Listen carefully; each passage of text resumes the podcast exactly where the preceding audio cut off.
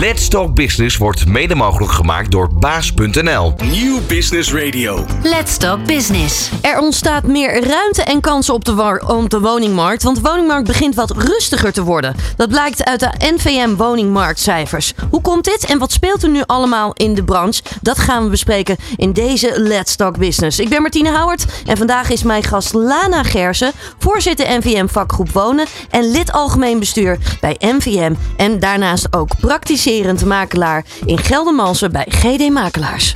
Ondernemende mensen, inspirerende gesprekken, innovaties en duurzaamheid. Let's Talk Business. Met Martine Houwert. Lana, van harte welkom hier in de studio van Nieuw Business Radio. En dankjewel. Ja, we gaan het natuurlijk hebben over nou ja, de woningmarkt. Alles wat er nu speelt. Het begint allemaal wat rustiger te worden. Na een hele lange tijd eigenlijk. Nou Ja, dat de woningmarkt behoorlijk oververhit was. Maar eerst eventjes. eh, jij bent voorzitter NVM vakgroep Wonen. Eh, waar sta precies voor?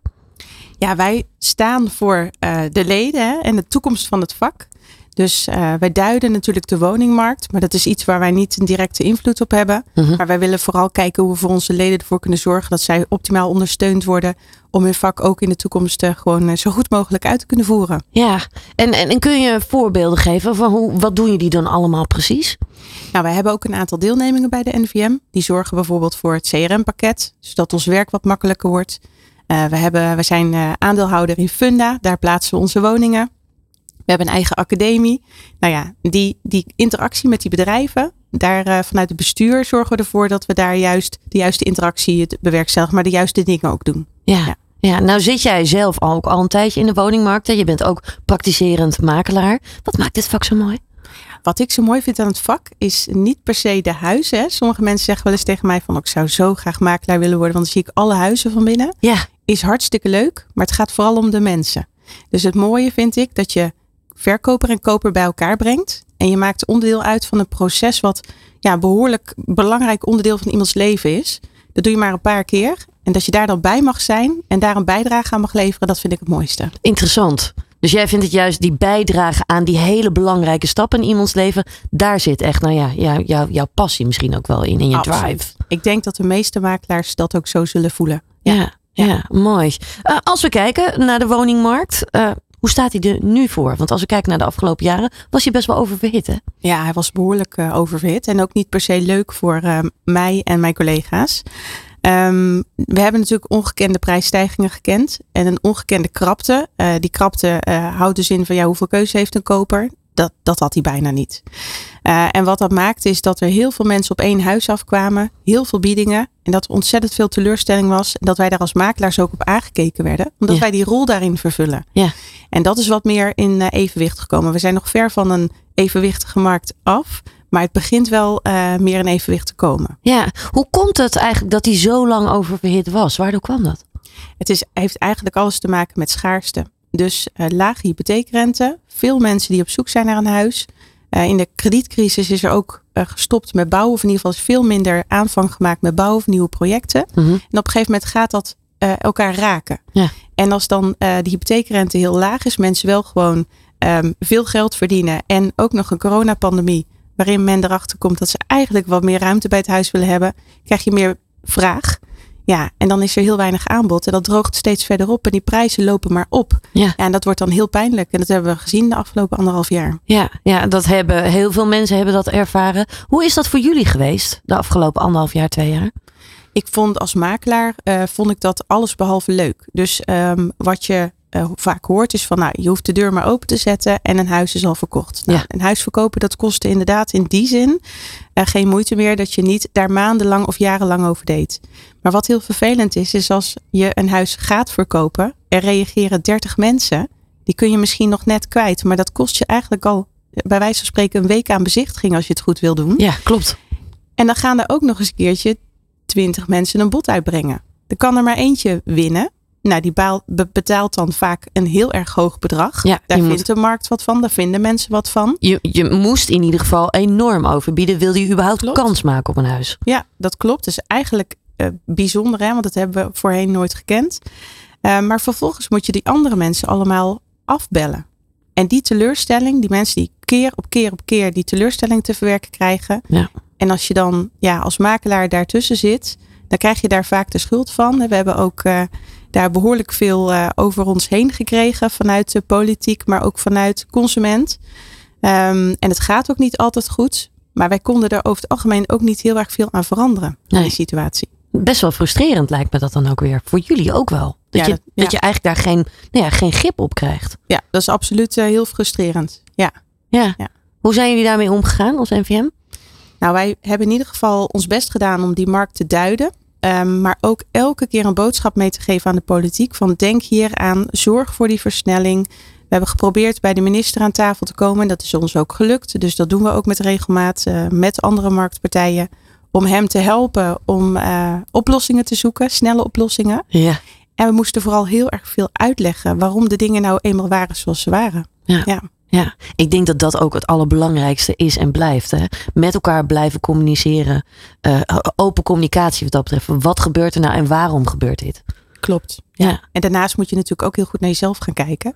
Want eerlijk is eerlijk, er zijn ook wel um, wat klachten binnengekomen over makelaars. En dan moet je ook heel goed gaan kijken van nou hoe gaan we die kwaliteit nou behouden vinden wij heel belangrijk bij de NVM. Maar integriteit is ook ontzettend belangrijk.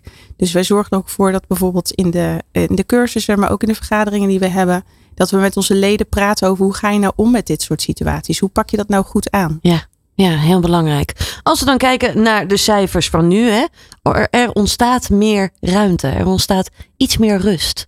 Kun je daar wat meer over vertellen? Wat we hebben gezien is dat um, er ja, door bepaalde omstandigheden. Noem bijvoorbeeld de opgelopen hypotheekrente, uh, de inflatie, maar ook allerlei andere onzekerheden die er zijn op dit moment rondom bijvoorbeeld de oorlog. Um, zien we dat de vraag wat aan het afnemen is. Dus waar we eerst heel erg veel kijkers en bieders hadden, is dat wat minder geworden. Uh Daarnaast zie je dat er mensen zijn die hun verhuismoment uh, wat vervroegen of hun huis alvast te koop zetten. Terwijl ze dat misschien anders op een ander moment hadden gedaan. Ja. Dus er is wat meer aanbod gekomen. En dat zorgt ervoor dat die verminderde vraag en dit toegenomen aanbod zorgt ervoor dat er wat meer evenwicht ontstaat.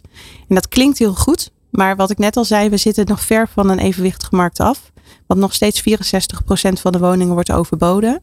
Maar dat is wel aan het afnemen. Ja, en is het dan nog heel erg regio-afhankelijk? Zitten daar nog hele grote verschillen in? In de coronapandemie zagen we dat uh, die behoefte aan meer ruimte, dat dat ervoor zorgde dat mensen uit de Randstad ook uh, het hele land doorgingen. Hè. Dus, dus op een gegeven moment hadden we meer een landelijke woningmarkt -huh. en niet meer echt een randstedelijke woningmarkt. Um, wat je nu ziet is dat in de Randstad die prijzen wat, wat aan het afnemen zijn, wat sterker aan het afnemen zijn dan in de andere delen van het land. Dus uh, je ziet wel dat de regio's daar verschillend op reageren. Ja, interessant. Hè? Hier gaan we straks ook nog weer wat dieper op in. Uh, bij Let's Talk Business hebben we ook altijd vaste businessvragen. Um, ik ben benieuwd uh, wat jouw antwoord hierop is. We gaan eens eventjes luisteren. Zijn er dingen in jouw vakgebied die erbij horen, maar die je liever niet doet? Nou, zijn er dingen in jouw vakgebied die je bijhoren, maar die je liever niet doet?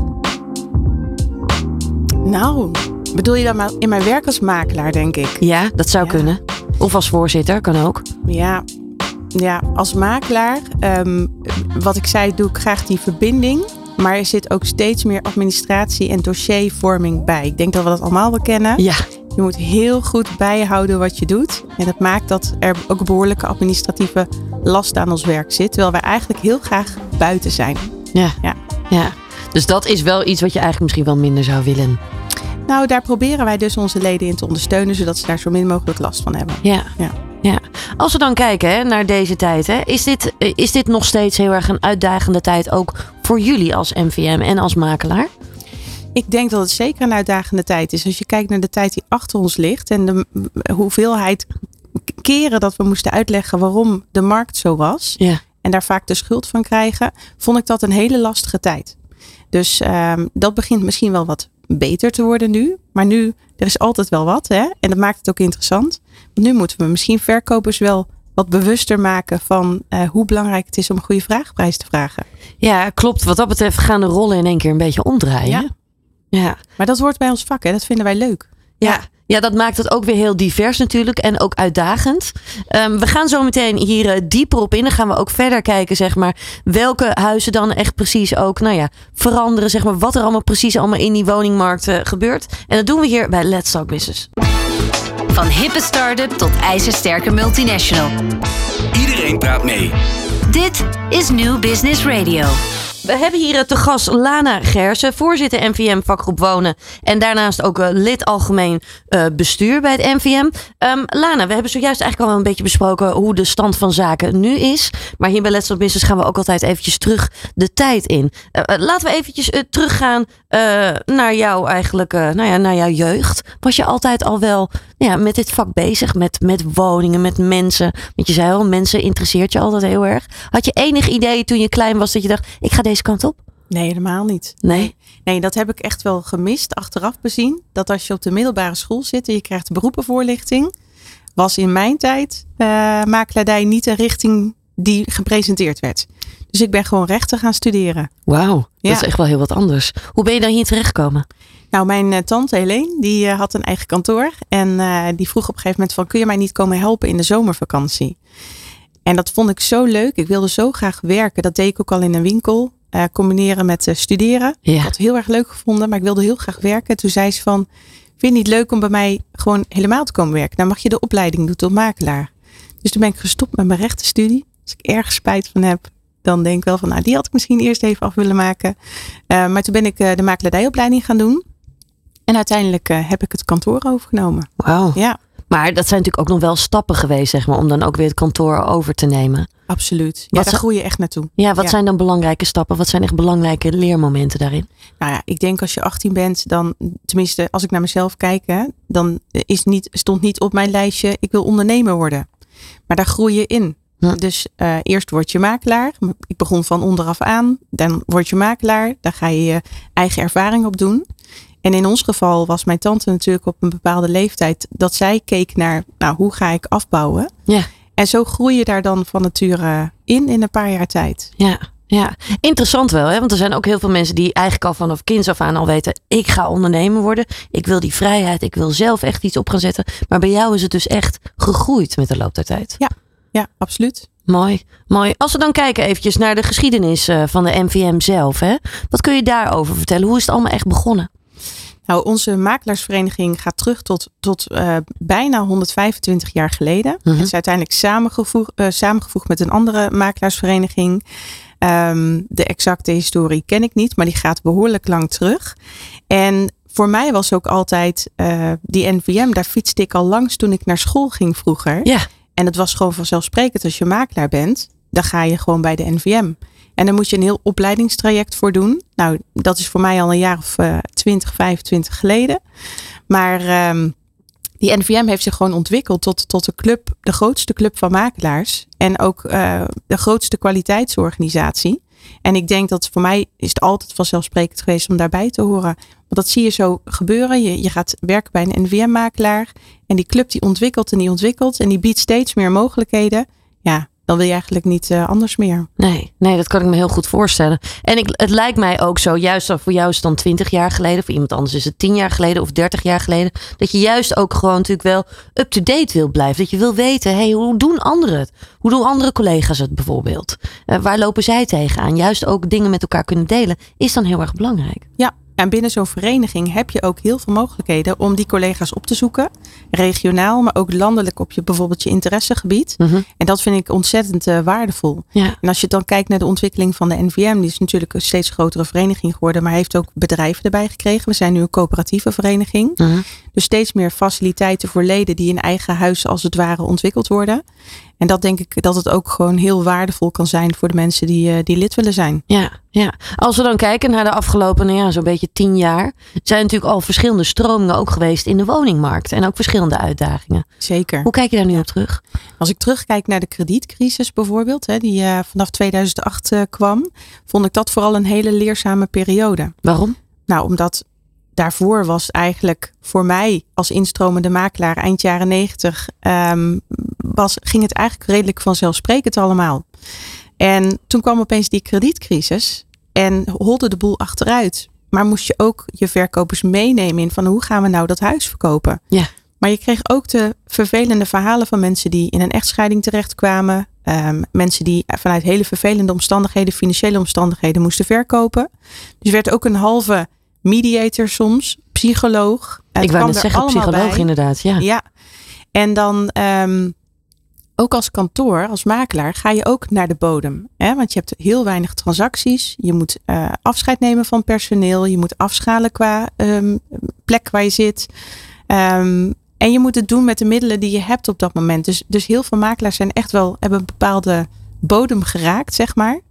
Uh, en op zeker moment gaat dat dan weer aantrekken. Ja. En dan waardeer je ook weer van, nou ja, kijk, die tijd hebben we gehad. Dus nu gaan we er weer het beste van maken. En dan maak je die groei weer mee. En dat vind ik vooral als ondernemer ontzettend interessant. Dat je eigenlijk als je die periode hebt meegemaakt, dat je bij jezelf denkt van nou, daar ben ik doorheen gekomen. Dus kan eigenlijk alles aan. Ja. Het kan alleen nog maar beter. Ja, als je het hebt overleefd natuurlijk. Als je het hebt overleefd. Want er zijn er ook wel een aantal die dat gewoon niet gered hebben. Ja, ja. ja. Hoe, waar haalde jij toen die tijd ook kracht uit? Hè? Want vaak zijn dat soort nou ja, moeilijkere periodes, uitdagende periodes, knetterleerzaam, wat je zelf ook al zegt. Hè? Uh, maar waar haal je kracht uit als je er middenin zit? Nou, waar ik wel kracht uit haalde was uh, vooral uh, het feit dat ik eigenlijk gedwongen werd om keuzes te maken. Die ik anders misschien niet had gemaakt. En daardoor, dat ik daardoor denk ik een veel betere ondernemer ben geworden. En wat ik ook heb gedaan, maar dat was bij mij toevallig. Dus ik zat net in de periode dat ik ja, net getrouwd was. En ik heb in die periode twee kinderen gekregen. Ja. En op de een of andere manier was dat een hele moeilijke periode. En toch was er ook ruimte om privé wat meer ja, op andere dingen te concentreren. Um, en dat loopt dan zo. Maar dat vond ik uh, ontzettend leerzaam achteraf. Vooral dat afschalen. De, om dat een keer mee te maken. Ja, ja. ja. Ja, en dan ook dus hoe je daarmee omgaat. En dat het dus allemaal ook dan wel weer uiteindelijk ook weer goed komt. Ja. Dat geeft ook een stukje vertrouwen, lijkt mij zo. Als je er doorheen komt. Ja. Um, we gaan weer eventjes door naar een volgende businessvraag. Daar komt ie. Tegen de stroom in of met de stroom mee?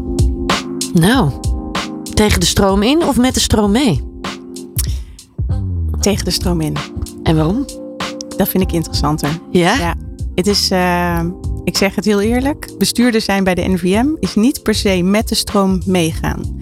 Heel veel, ja, je moet qua innovatie natuurlijk ook wel soms tegen uh, wens van mensen ingaan, omdat je verder moet kijken dan de dag van morgen of volgende week. Uh -huh. um, dingen uitleggen. Hè? Zoals bijvoorbeeld over eh, de integriteit van makelaars of hoe wij uh, ethisch met ons werk omgaan, terwijl de buitenwereld er anders tegenaan kijkt. Ja. Het is meer tegen de stroom in dan met de stroom mee, maar ik vind dat uh, reuze interessant. Mooi eigenlijk wel. Er, er zit een stukje wrijving eigenlijk ook wel in. Ja. Uh, maar dat vind je juist ook wel interessant. Dat vind ik interessant. Ja. ja. Ja, dat snap ik ook wel. Uh, over die integriteit gesproken. Hè, dat is natuurlijk wel vaak een onderwerp wat, nou ja, wat regelmatig voorbij komt. Uh, ik zelf heb eigenlijk alleen maar goede ervaringen met makelaars. Ik ben daar ook wel heel kritisch in geweest met wie ik in zee ging. Als ik puur kijk naar mezelf. Maar er zijn ook mensen die best wel vervelende ervaringen daarmee hebben. hoe kijk jij daar zelf naar, zeg maar? Hoe, en hoe gaan jullie daarmee om als MVM? Nou, we hebben natuurlijk in de coronapandemie en die, die, die, die woningnood die ontstaat, hebben we behoorlijk veel uh, over ons heen gekregen. Ja. Uh, de Vereniging Eigen Huis heeft op zeker moment een meldpunt geopend met klachten over makelaars. En wat voor klachten kwamen er dan met name binnen? Nou, we hebben eigenlijk nooit echt inzage daarin gekregen. Dus we hebben wel gezegd van nou laten we daarin samen optrekken. Want alleen samen kunnen we dit oplossen. -huh. um, maar die klachten gingen vooral over het gedrag van makelaars of communicatie van makelaars en de manier waarop ze met biedingen omgingen. Um, dus wat wij hebben gedaan is um, dat gesprek aangegaan. Maar de politiek heeft het ook uh, opgepakt. Um, zo moesten we bijvoorbeeld uh, bij Radar ook uh, komen uitleggen. Naar aanleiding van verborgen camerafilmpjes. waarin toch wel wat beelden opgenomen waren die ook niet zo heel erg leuk waren. Mm -hmm. ja, hoe ga je daarmee om? Het beste wat we hebben kunnen doen, denk ik, is gewoon blijven uitleggen waarom de dingen gaan zoals ze gaan. Dus je hebt regelgeving, je hebt een overwitte woningmarkt.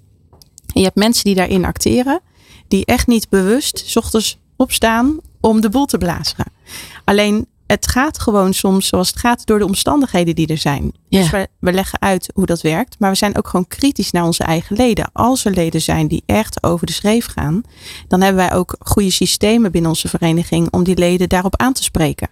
En ondertussen zijn we met politiek uh, en overheid in de, aan de slag gegaan om te kijken of we dat nog weer kunnen verbeteren. Of wat meer buiten onze vereniging te zetten, zodat het onafhankelijker wordt. Ja. Dus dat is ook een beetje tegen de stroom in. Hè?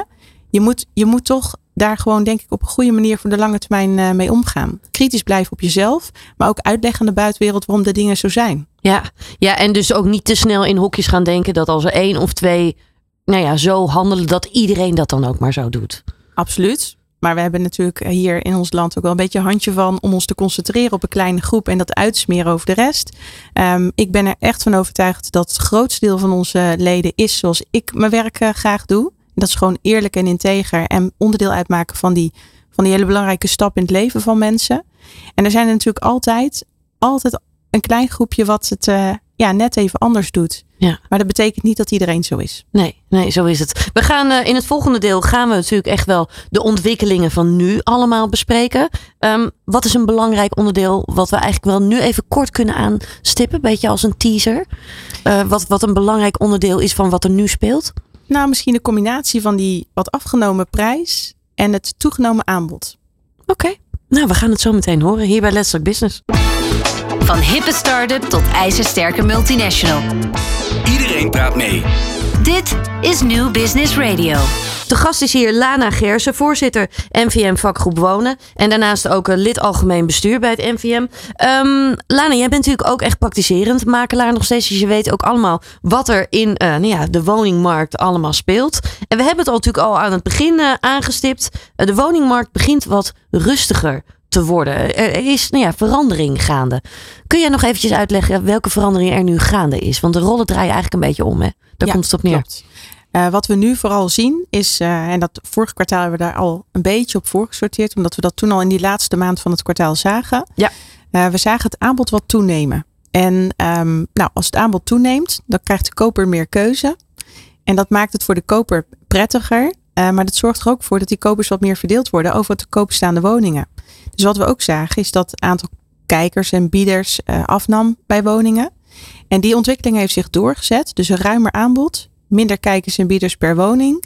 En dat maakt dat de extremiteit van de overbiedingen, dus eigenlijk bijna, ja, de meeste woningen werden overboden, maar ook nog echt met gemiddeld 9% boven de vraagprijs. Ja. Nou, die extreme biedingen, die zijn wat verminderd, waardoor je ziet dat minder woningen worden overbieden, maar nog steeds overboden, maar nog steeds 64%. Mm-hmm. En de mate waarin overboden wordt is ook verlaagd. Dus van 9% is dat naar 3% gemiddeld gegaan. Dus er wordt nog steeds gemiddeld overboden. Maar die, die lucht die is er als het ware ja, een beetje uitgegaan. Ja, kun je dan ook eigenlijk wel zeggen dat het aantal kijkers ook echt wel naar beneden gaat, zeg maar? Dus dat, dat gewoon veel minder mensen ook een bezichtiging uh, nou ja, inplannen? Ja, dat klopt. En het is ook voor een hele grote groep mensen steeds minder betaalbaar geworden. Ja. Dus waar de hypotheekrente natuurlijk historisch laag was, is die inmiddels uh, behoorlijk opgelopen.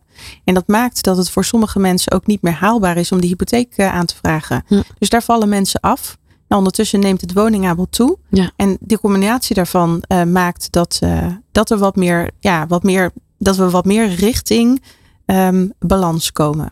Ik kan me ook voorstellen, juist in deze tijd, dat mensen ook kritisch worden of een huis wel energietechnisch, nou ja, goed voor staat of niet. Welk energielabel heeft het bijvoorbeeld? Ja, absoluut. Um, onze dochteronderneming uh, Brainbay die heeft daar een onderzoek naar gedaan. Uh, super interessant, want die hebben in kaart gebracht wat het gemiddelde uh, waardeverschil is tussen een woning met, een, met het ene label en een woning met een ander label. Ja. En die hebben daarbij ook aangegeven dat groene labels uh, daadwerkelijk meer geld opleveren. Nou is het ook zo dat die woningen zijn vaak kwalitatief ook al beter, hè, want die zijn vaak nieuwer. Maar het is wel heel interessant om te zien wat een verduurzaming met je woning doet qua waarde. Ja. En wat je ook nu vooral heel goed ziet, is dat uh, nu die energielasten zo zijn toegenomen, dat mensen ook heel bewust gaan uh, kiezen. Nieuwbouwwoningen zijn ontzettend duur, omdat de componenten van die nieuwbouwwoning gewoon heel erg duur zijn. Maar die zijn natuurlijk en energetisch heel goed. En, uh, maar niet voor iedereen bereikbaar. Nee. Dus je gaat echt kijken van nou, wat voor woningen zijn er te koop en wat voor energielasten horen daarbij. Ja, en dan zie je dus dat de kluswoningen en de woningen met een lager energielabel op dit moment wat minder goed in de markt liggen, maar nog steeds verkocht worden. Ja, ja wat dat betreft wordt de koper kritischer ook alweer op dit moment. Zeker. Kan ik me zo voorstellen. En dat heeft natuurlijk ook alles met de betaalbaarheid te maken. Ja, ja. ja. Als we dan eventjes kijken, hè, de bestaande woningbouwtransacties, daar kunnen we natuurlijk eigenlijk ook wel veel over vertellen. Als we kijken naar de uh, kwartaalcijfers. NVM-makelaars verkochten in het derde kwartaal van 2022 bijna 32,5 woningen. Ten opzichte van het tweede kwartaal 2022 is dit een, een min van 10 procent. Ja, Het zijn 32.500 inderdaad, hè, want het zijn er volgens mij 133.000 Oh, ik zei het niet goed inderdaad. Ja, pardon. Um, maar um, het is een min van 10. En nou zien we eigenlijk altijd in het derde kwartaal dat er wat minder transacties zijn, omdat de zomermaanden erin zitten. Ja. Dus dat is op zich niet zo gek. Uh, wat we vooral zien is dat het aantal op peil blijft. Dus um, dat er waar je bijvoorbeeld in de kredietcrisis een behoorlijke dip in de vraag zat, zag en dat huizen gewoon niet meer verkocht werden, uh -huh. zie je nu dat het aantal transacties op peil blijft. En dat is eigenlijk wel heel erg positief. Ja. Want uh, als je ziet wat er om ons heen gebeurt in de wereld en in ons land, economisch gezien, uh, maar ook de oorlog en de gasprijzen, uh, ontzettend veel onzekerheid. En dat die woningmarkt dan toch gewoon heel solide door blijft gaan. Weliswaar met de correctie, maar hij blijft doorgaan. En dat blijkt dus wel uit dat die woningmarkt eigenlijk gewoon een heel solide fundament heeft. Ja, dat is eigenlijk wel weer heel positief dan ook alweer. Ja, ik ben daar heel positief over. En ik vind wel, uh, de prijzen zijn ontzettend hoog. Ik ga hier geen pleidooi houden voor uh, lagere prijzen. Maar wat ik wel uh, moeilijk, moeilijk vind om te zien, is dat er een hele grote groep mensen gewoon niet een huis kan kopen op dit moment. Ja. En ja, de oplossing daarvoor, wie het weet, mag het zeggen. Maar dat is natuurlijk wel heel erg uh, jammer aan deze woningmarkt. Kun je daar nog wat, wat meer over vertellen? Welke doelgroep is dat die niks kan kopen? Is dat een hele brede doelgroep of is dat best wel een specifieke doelgroep? Ik denk als je kijkt naar doorstromers bijvoorbeeld, die verkopen hun huis met een bepaalde overwaarde op dit moment. En die kopen ook weer terug met een bepaalde uh, uh, plus. Uh -huh. Dus die gaan met hun overwaarde en soms ook een stukje bestaande hypotheek met een aantrekkelijke rente, gaan ze gewoon naar de volgende woning. Ik denk dat die niet zo heel erg hard geraakt worden. Uh, waar ik denk dat de pijn vooral zit, is um, senioren die niet ergens anders naartoe kunnen omdat er geen beschikbaar aanbod is. Dus Ja. die blijven in hun grote huis zitten. Ja, die eigenlijk al lang toe zijn aan bijvoorbeeld een kleiner appartementje of een kleiner huisje. Klopt. En die kunnen dat ook eigenlijk wel betalen. Maar het is er gewoon niet. Ja. Uh, maar de starters worden denk ik het hardst geraakt. Want je moet op dit moment wel echt een goed salaris hebben. Wil je met de huidige hypotheekrente uh, een huis kopen. Als de gemiddelde prijzen nu op 425.000 euro liggen. Dan, uh, dan zie je al wel dat dat voor een hele groep mensen niet bereikbaar is. Ja, en een ontwikkeling die natuurlijk ook wel echt gaande is, is dat je ziet dat veel jongeren gewoon ook langer thuis blijven wonen daardoor. Zeker, ja. En je kunt natuurlijk zeggen van nou, dan gaan ze toch huren. Maar dat is er ook niet. Nee. Dus het is gewoon heel erg belangrijk dat er meer woningen bij komen. Zodat alle groepen waar het op dit moment knelt, uh, weer een plekje krijgen. Ja, ik kan me ook voorstellen, want hierin zie je natuurlijk ook wel wat er nu speelt eigenlijk. Hè? En, en, en ja, het tekort aan woningen zorgt dus in allerlei verschillende doelgroepen voor bepaalde uitdagingen en problemen. Uh, vooruitkijken en vooruitwerken is natuurlijk ook juist in de woningbranche heel erg belangrijk. Maar als dat niet goed genoeg gebeurt, dan kom je dus in de problemen terecht. Ja, dat is echt ontzettend belangrijk. Want als je kijkt naar de problemen die we nu de afgelopen paar jaar, laten we zeggen twee jaar hebben gehad. En die, die piek in die, die woningprijzen, mm -hmm. in die schaarste. Dan denk je, ja, waar komt dat nou door? Nou, als je dan tien jaar terug gaat kijken, zaten we midden in de crisis. Ja. Is er natuurlijk op zeker moment door allerlei redenen gestopt met het initiëren van nieuwe projecten en het bouwen. En dan zie je gewoon dat dat een jaar of tien later leidt dat tot enorme problemen. Dus wat we nu vooral moeten voorkomen, is dat we met elkaar zeggen. Uh, hey, uh, die vraag neemt wat af en die woningmarkt gaat veranderen. Maar dat we die uh, huidige conjuncturele ontwikkelingen niet gaan gebruiken om de plannen voor over tien jaar in de koelkast te zetten. Het is ja. van nu, als je kijkt naar de demografie, maar ook de op opbouw van bevolkingstoename, van ontzettend groot belang dat we nu snelheid maken voor de plannen voor over tien jaar. Ja, niet stil gaan staan in één keer. Wel gewoon wel verder door blijven ontwikkelen. Absoluut, want er is echt een groot tekort en dat loopt alleen maar op. Ja. Als we dan eventjes kijken naar de verdere trends en ontwikkelingen. Wat zou je dan graag nog willen aanstippen? Wat is wel een belangrijke ontwikkeling op dit moment? Hmm. Nou ja, vooral die, die verduurzaming denk ik dat dat uh, belangrijk is om daar ook heel, heel goed oog voor te hebben. Ja. Want wat ik net al zei, is, uh, er is natuurlijk uh, relatief weinig nieuwbouw te koop. Dat, dat moet echt meer worden. Maar dat zijn de woningen met, um, ja, waar je energielasten heel goed te overzien zijn. Of er gewoon niet zijn, bij wijze van spreken. Mm -hmm. Maar je hebt een heel groot deel bestaande voorraad. En in die bestaande woningvoorraad is het moment om te verduurzamen en te isoleren. Is vaak het moment dat je gaat verhuizen. Um, en die verhuizingen die blijven nu hangen omdat er niet voldoende doorstroming is op die woningmarkt. Er is gewoon niet voldoende alternatief aanbod voor die mensen. Kijk naar die senioren bijvoorbeeld. Als een bejaard uh, echtpaar naar een grondgebonden huis kan met een slaapkamer en badkamer beneden en een tuintje, wat ze heel graag willen. Ja. En ze kunnen dat doen als ze verlaten hun grote woning. Dan, dan levert dat over het algemeen drie, drieënhalve verhuizing erachteraan op. En al die mensen gaan nadenken opnieuw over verbouwen en verduurzamen. Dus als je ja, alleen concentreert op nieuwbouw of alleen appartementen of heel eenzijdig gaat bouwen, dan zorg je ervoor dat aan de andere kant andere aspecten ook vergeten worden. Ja, Ik denk dat we daar heel veel oog voor moeten hebben. Ja, juist ook kijken van, hé, hey, wat is er ook mogelijk juist bij al die andere woningen? Want daar heb je natuurlijk ook genoeg van. Absoluut. Ja. Ja, ja. En daar liggen ook heel veel kansen voor starters. Betaalbare, wat oudere woningen of betaalbare jaren, 30, eh, jaren 90 woningen, Mhm. die zitten in die bestaande voorraad. Dus die wil je ook vrij hebben. Ja. Maar bijvoorbeeld een jaren 30 woning, als je dat goed aanpakt, kan je die ook best wel energietechnisch krijgen. Alleen dan heb je natuurlijk wel die investering, heb je wel nodig, zeg maar. Die, die ruimte moet je dan ook financieel hebben om dat goed aan te kunnen pakken. Ja, absoluut. Ik denk dat een jaar, ik heb zelf een jaren 30 huis en ik ben echt fan van de sfeer van mijn huis. Ehm, ik zou dus zelf niet zo snel naar een nieuwe woning gaan. Maar een nieuwe woning zou ook duurder zijn. Dus dat betekent dat ik in mijn jaren 30 huis ook eigenlijk qua budget, als je het echt naast elkaar zet, heb ik ook wel ruimte om die verduurzaming te doen. Ja. En dat, eh, ik denk dat dat gewoon eh, hele goede kansen geeft. Maar ook daar zie je natuurlijk het knellen, omdat er gewoon leveranciers, aannemers.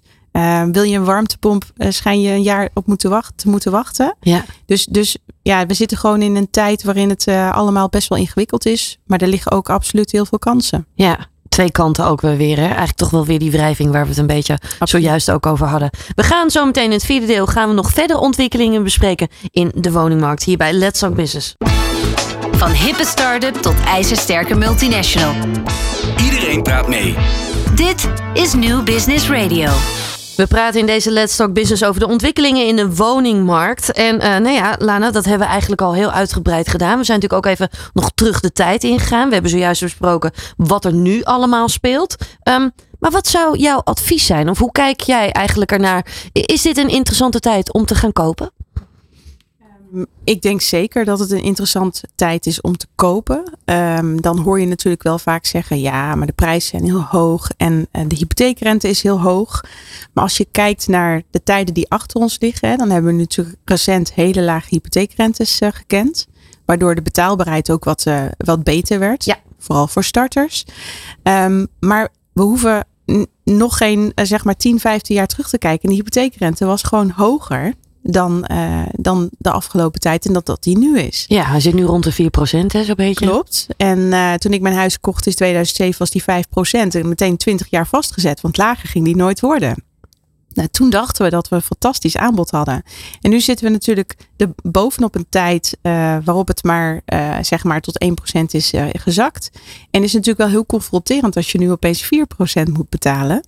En toch, als je het terugzet naar de tijd, is die 4% nog steeds een ontzettend laag eh, rente. Ja, Ehm, het is alleen niet voor iedereen weggelegd om met 4% rente te kopen. En dat, Dat is is het. vervelend. Ja. Dus ik heb zoiets van ja, wat is het juiste moment? Ik denk dat mensen die zich dat altijd blijven afvragen, die bedenken zich achteraf, als ze met pensioen gaan, dat ze nog steeds in een huurwoning zitten. Ik denk dat op het moment dat je kan instappen en je komt een huis tegen waarvan je denkt, hier zie ik mezelf wonen. Of het nou een slechte tijd is of een goede tijd, dat het op lange termijn altijd goed is om die stap op dat moment te maken dat het gewoon voor je ligt. ja, ja. Dus jij zegt, als het kan, gewoon toch wel gewoon doen. Ondanks eigenlijk wat er nu speelt. Maar het is ook natuurlijk heel vaak ook wel een soort paniek hè, die er ontstaat. Als in één keer die rente omhoog gaat. En je, je kan het inderdaad ook niet goed vergelijken met een aantal jaren terug. Dan kan ik me ook voorstellen dat mensen dan ook meteen die paniek voelen van... ja, wacht eens even, dit kan ik allemaal niet betalen. Zeker. En eh, je ziet inderdaad dat eh, los van eh, dat er mensen gewoon afvallen die het niet meer kunnen betalen, zie je dat de woningmarkt is een echt bij, bij uitstek een markt die, die ook drijft op vertrouwen. Ja. En als er geen vertrouwen is in de economie, en dat heb je gezien in de kredietcrisis waarin de vraag volledig wegviel. ehm, als er geen vertrouwen is, zie je meteen een dip in die, in die vraag komen. En de verandering, of het, het verschil tussen nu en de kredietcrisis is dat toen de vraag wegviel. Eh, maar dat er ook nog wel voldoende aanbod was. Dus dat ging heel erg hard en die prijzen daalden ontzettend hard. Ja. En nu zie je dat eigenlijk, er is nog behoorlijke schaarste. Er is heel erg veel vraag. En die vraag loopt wel terug. Maar die is nog steeds meer dan voldoende om die woningen verkocht te krijgen. Ja. Dus ik denk dat, ja, dat dat nog wel wat meer vertrouwen geeft in die woningmarkt op dit Ja. moment. En wat ik ook zie is dat heel veel mensen vergeten is dat je je hypotheek vaak ook nog mee kunt nemen als je al een huidige hypotheek hebt. Zeker. Zeker voor doorstromers eh, geldt. Als je van de ene woning naar de andere woning gaat, kun je vaak eh, je lening of een deel van je lening meenemen. Sommige mensen hebben dan ook nog een aflossingsvrije lening die ze mee kunnen nemen. Ehm, soms met een hele aantrekkelijke rente. Dus eh, dat gebeurt nu ook heel veel. Ja. Als we dan kijken naar de doelgroep die zijn huis wil verkopen. Ja, daar zie je wel een verandering eh, optreden. Dus de afgelopen twee jaar zeiden eh, mensen die een huis gingen verkopen van nou, ik ga eerst iets anders kopen, want straks heb ik mijn huis verkocht en is er niks anders voor mij. Ja. En nu zie je dat daar een ehm, verandering plaatsvindt. Dus mensen die bijvoorbeeld nieuwbouw hebben gekocht, die vervroegen hun verhuismoment. Mensen die eerst zouden, zouden willen kopen en dan verkopen, die doen dat nu soms andersom. Niet iedereen, maar veel mensen hebben die switch gemaakt. Ehm, en je ziet ook mensen die denken van ja, ik weet niet wat er gaat gebeuren met die woningmarkt. Ik ga nu die markt op en ik zie wel wat ik doe. En dat maakt dat die woningmarkt nu wat ruimer wordt. En daar zijn wij met als makelaars alleen maar blij mee. Want wij willen graag huizen verkopen. Dat is onze core business. Daar worden we blij van. Ja. En dat, dat gebeurt dus nu. Maar ook als je zegt ik ga nu eerst verkopen. Dan is er straks dus ook een ruimere keuze om naartoe te verhuizen. Dus dat is een po- positieve ontwikkeling. Ja, dat is eigenlijk alleen maar goed dat dat nu juist ontstaat. Ja. Ja. Eh, als we dan even verder kijken hè, naar de toekomst. Wat zijn een beetje jouw verwachtingen? Als we eventjes gewoon nou ja, die stip op die horizon zetten over tien jaar.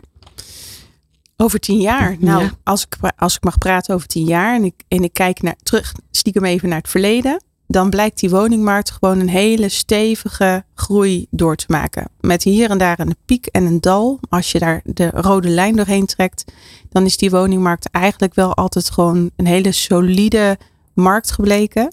En daarom denk ik ook dat ehm, in welke tijd je ook instapt, als je eh, uiteindelijk 10, 20, 30, 40 jaar in een huis woont, dat je uiteindelijk gewoon ehm, er, goed aan gedaan hebt. Ja. Ja. En als we dan eventjes terugbrengen naar twee jaar. Wat is dan echt belangrijk voor de aankomende twee jaar? Ja, de aankomende twee jaar, vind, dat vind ik lastig. Hè? Want ehm, we hebben geen glazen bol. Ehm, wij willen daar ook niet te positief of te negatief in zijn. Want dat hangt ook heel erg samen met wat er in de rest van de wereld en het land gebeurt. En het sentiment wat erbij hoort. Zeker. Maar wat je dus ziet is dat die woningmarkt een heel stevig fundament kent. En ik heb er dus in die zin ook vertrouwen in dat dat niet heel erg gaar gaat lopen. Mhm. En ik heb ook gemerkt dat het heel gevaarlijk is om daar eh, alvast op te anticiperen. Want toen bijvoorbeeld de lockdowns afgekondigd werden twee jaar geleden. Ja. Toen dachten wij, ja, nu valt het vertrouwen weg. Daarmee ook het vertrouwen wellicht in de woningmarkt. Misschien gaat de boel nu wel instorten hè, met de kredietcrisis in ons achterhoofd. En het gebeurde echt diametraal anders. Ja. Dus dat hadden we ook niet verwacht. En ik denk dat je dus ook heel erg moet oppassen dat je daar niet eh, te positief dan wel te negatief. Maar we zitten er bovenop. En elk kwartaal duiden we het. Dan geven we wel een verwachting voor het komende kwartaal. En de verwachting die we nu hebben gezegd is, nou, dat zal wellicht ergens een prijsontwikkeling van 0 tot 5 procent. Nou, die zit nu op jaar op jaar 2 procent. En we denken dat het aantal transacties nog wat gaat toenemen, omdat er meer te koop staat. En dat, eh, dat is dan een voorzichtige voorspelling. Ja, als we dan nog kijken, hè, ook juist het sentiment onder mensen hè, en, en de behoeftes, die is natuurlijk wel ook wel veranderd. Juist ook in coronatijd. Je zag dat veel meer mensen in één keer meer behoefte hadden aan iets meer ruimte, een tuintje. Kun je ook zeggen dat steeds meer mensen de stad uitgaan? Of is die ontwikkeling eigenlijk niet meer gaande? Nou, die ontwikkeling zagen we al eh, vanaf de jaren 90 zijn we die al bijgehouden. Zie Ja. je dus een stijgende lijn in zitten. Ehm, toen de coronapandemie er was, toen werden mensen zich daar nog veel bewuster van. Hè? Want als jij in een eh vierkamerflat zit eh, en je werkt allebei en je hebt eh, twee kinderen. En je moet ook nog thuis werken en je hebt je kinderen ook nog met thuisonderwijs. Nou, Dat is het. er waren heel veel mensen die zeiden dat redden we niet meer. Eh, en die gingen dus op zoek naar wat meer ruimte. Nou, in de stad eh, gaat dat het heel snel dan. Eh, vervolgens zie je dat rondom de stad de huizen snel verkocht werden. Ja. En uiteindelijk heeft zich dat dus in die twee jaar tijd verspreid over heel Nederland. Waardoor in alle regio's die prijzen toenamen en ehm, de, de woningen, het aantal beschikbare woningen afnam. Nou, dat is eigenlijk gewoon als een soort olievlek over het land gegaan. Ja. En die trend die zet zich nog wel door wat dat betreft. Ja, die trend die zie je nog steeds. Dus eh, wij hebben dat in de eh, afgelopen twee jaar heel erg gemonitord. Nou, we concentreren ons nu wat meer over de, op de as- aspecten qua duurzaamheid en isolatie Mhm. en labels. Maar je ziet dat daar een hele steady lijn in zit die, eh, die, de, die aangeeft dat er gewoon die trek vanuit de Randstad structureel plaatsvindt. Ja, een andere trend die je ook wel ziet zijn juist echt wel de tiny houses. Hè? Dus ook in de stad zie je dat steeds meer. Maar ook net buiten de stad. Mensen juist kleiner gaan wonen. Uh, veel materiaal en, en spullen ook wegdoen. Ontspullen zeg maar. Uh, en uiteindelijk ook duurzamer willen wonen. Zien jullie dat ook langzaamaan steeds meer terug? Dat mensen ook wel de wens hebben om kleiner en simpeler te wonen? Nou, we zien dat eigenlijk. Wij hebben daar dus eigenlijk een interessant onderwerp om gewoon eens een keertje naar te gaan kijken. Ja. Um, wij hebben daar nog niet echt een studie naar gedaan. En ik moet ook uh, toegeven dat ik het in mijn eigen regio nog niet echt terugzie. Dus wat wij vooral zagen de afgelopen twee jaar is dat mensen met name op zoek waren naar meer ruimte in en om het huis. Ja, een tuin, dat al dat, soort dingen. Ja, dat dat een sterkere trend is dan dat je ziet dat mensen gaan ontspullen en verkleinen. Maar ik realiseer me wel dat die trend er ook is. Alleen ik denk dat dat misschien nog wat te dunnetjes is om nu van een hele grote ontwikkeling uh, te spreken. Ja, is wat, wat dat betreft nog een kleinere trend. Uh, voor de NVM zelf, uh, een, een stip op de horizon, waar wil je graag heen als voorzitter? Nou, waar ik heel graag heen wil, is um, dat, dat wij, onze leden, makelaars en dus ook mensen zoals, zoals ik zelf, dat we die ondersteunen om uh, wat meer uit die relatie met je klant te halen. Dus als jij één keer een huis verkocht hebt of aangekocht hebt voor een klant en die denkt dat is mijn makelaar, mm-hmm. dan is het heel gek dat het ophoudt na de transactie. Meestal heb je geen contact meer met elkaar tenzij je elkaar bij de Albert Heijn tegenkomt. Klopt. Um, maar hoe leuk zou het zijn als je als je elkaar gewoon nog weet te vinden, bijvoorbeeld na een paar jaar, je denkt, hé, hey, mijn woningwaarde is er toegenomen. Misschien kan ik wel in een andere hypotheekrente, uh, lagere rente terechtkomen. Zullen we eens kijken of het uh, de moeite loont om een huis een keer te laten taxeren. Maar ook vragen als, um, ik wil mijn dak gaan isoleren. Uh, wat denk je dat het doet met mijn woningwaarde? Ja. Ik zou het heel mooi vinden als we naar een systeem toe kunnen waarin onze makelaars geholpen worden om hun klant op die manier ook gewoon zelf te helpen. Misschien ook proactief daarop te wijzen. En dat we daarmee meer van een transactiegerichte relatie gaan naar meer een soort long lifetime uh, relatie. Ja, ja, mooie, mooie ambitie. Lana Gersen, ik wil je enorm bedanken en heel veel succes met alles wat jullie uh, nog gaan doen in de toekomst. Dankjewel. Van hippe start-up tot ijzersterke multinational. Iedereen praat mee. Dit is New Business Radio.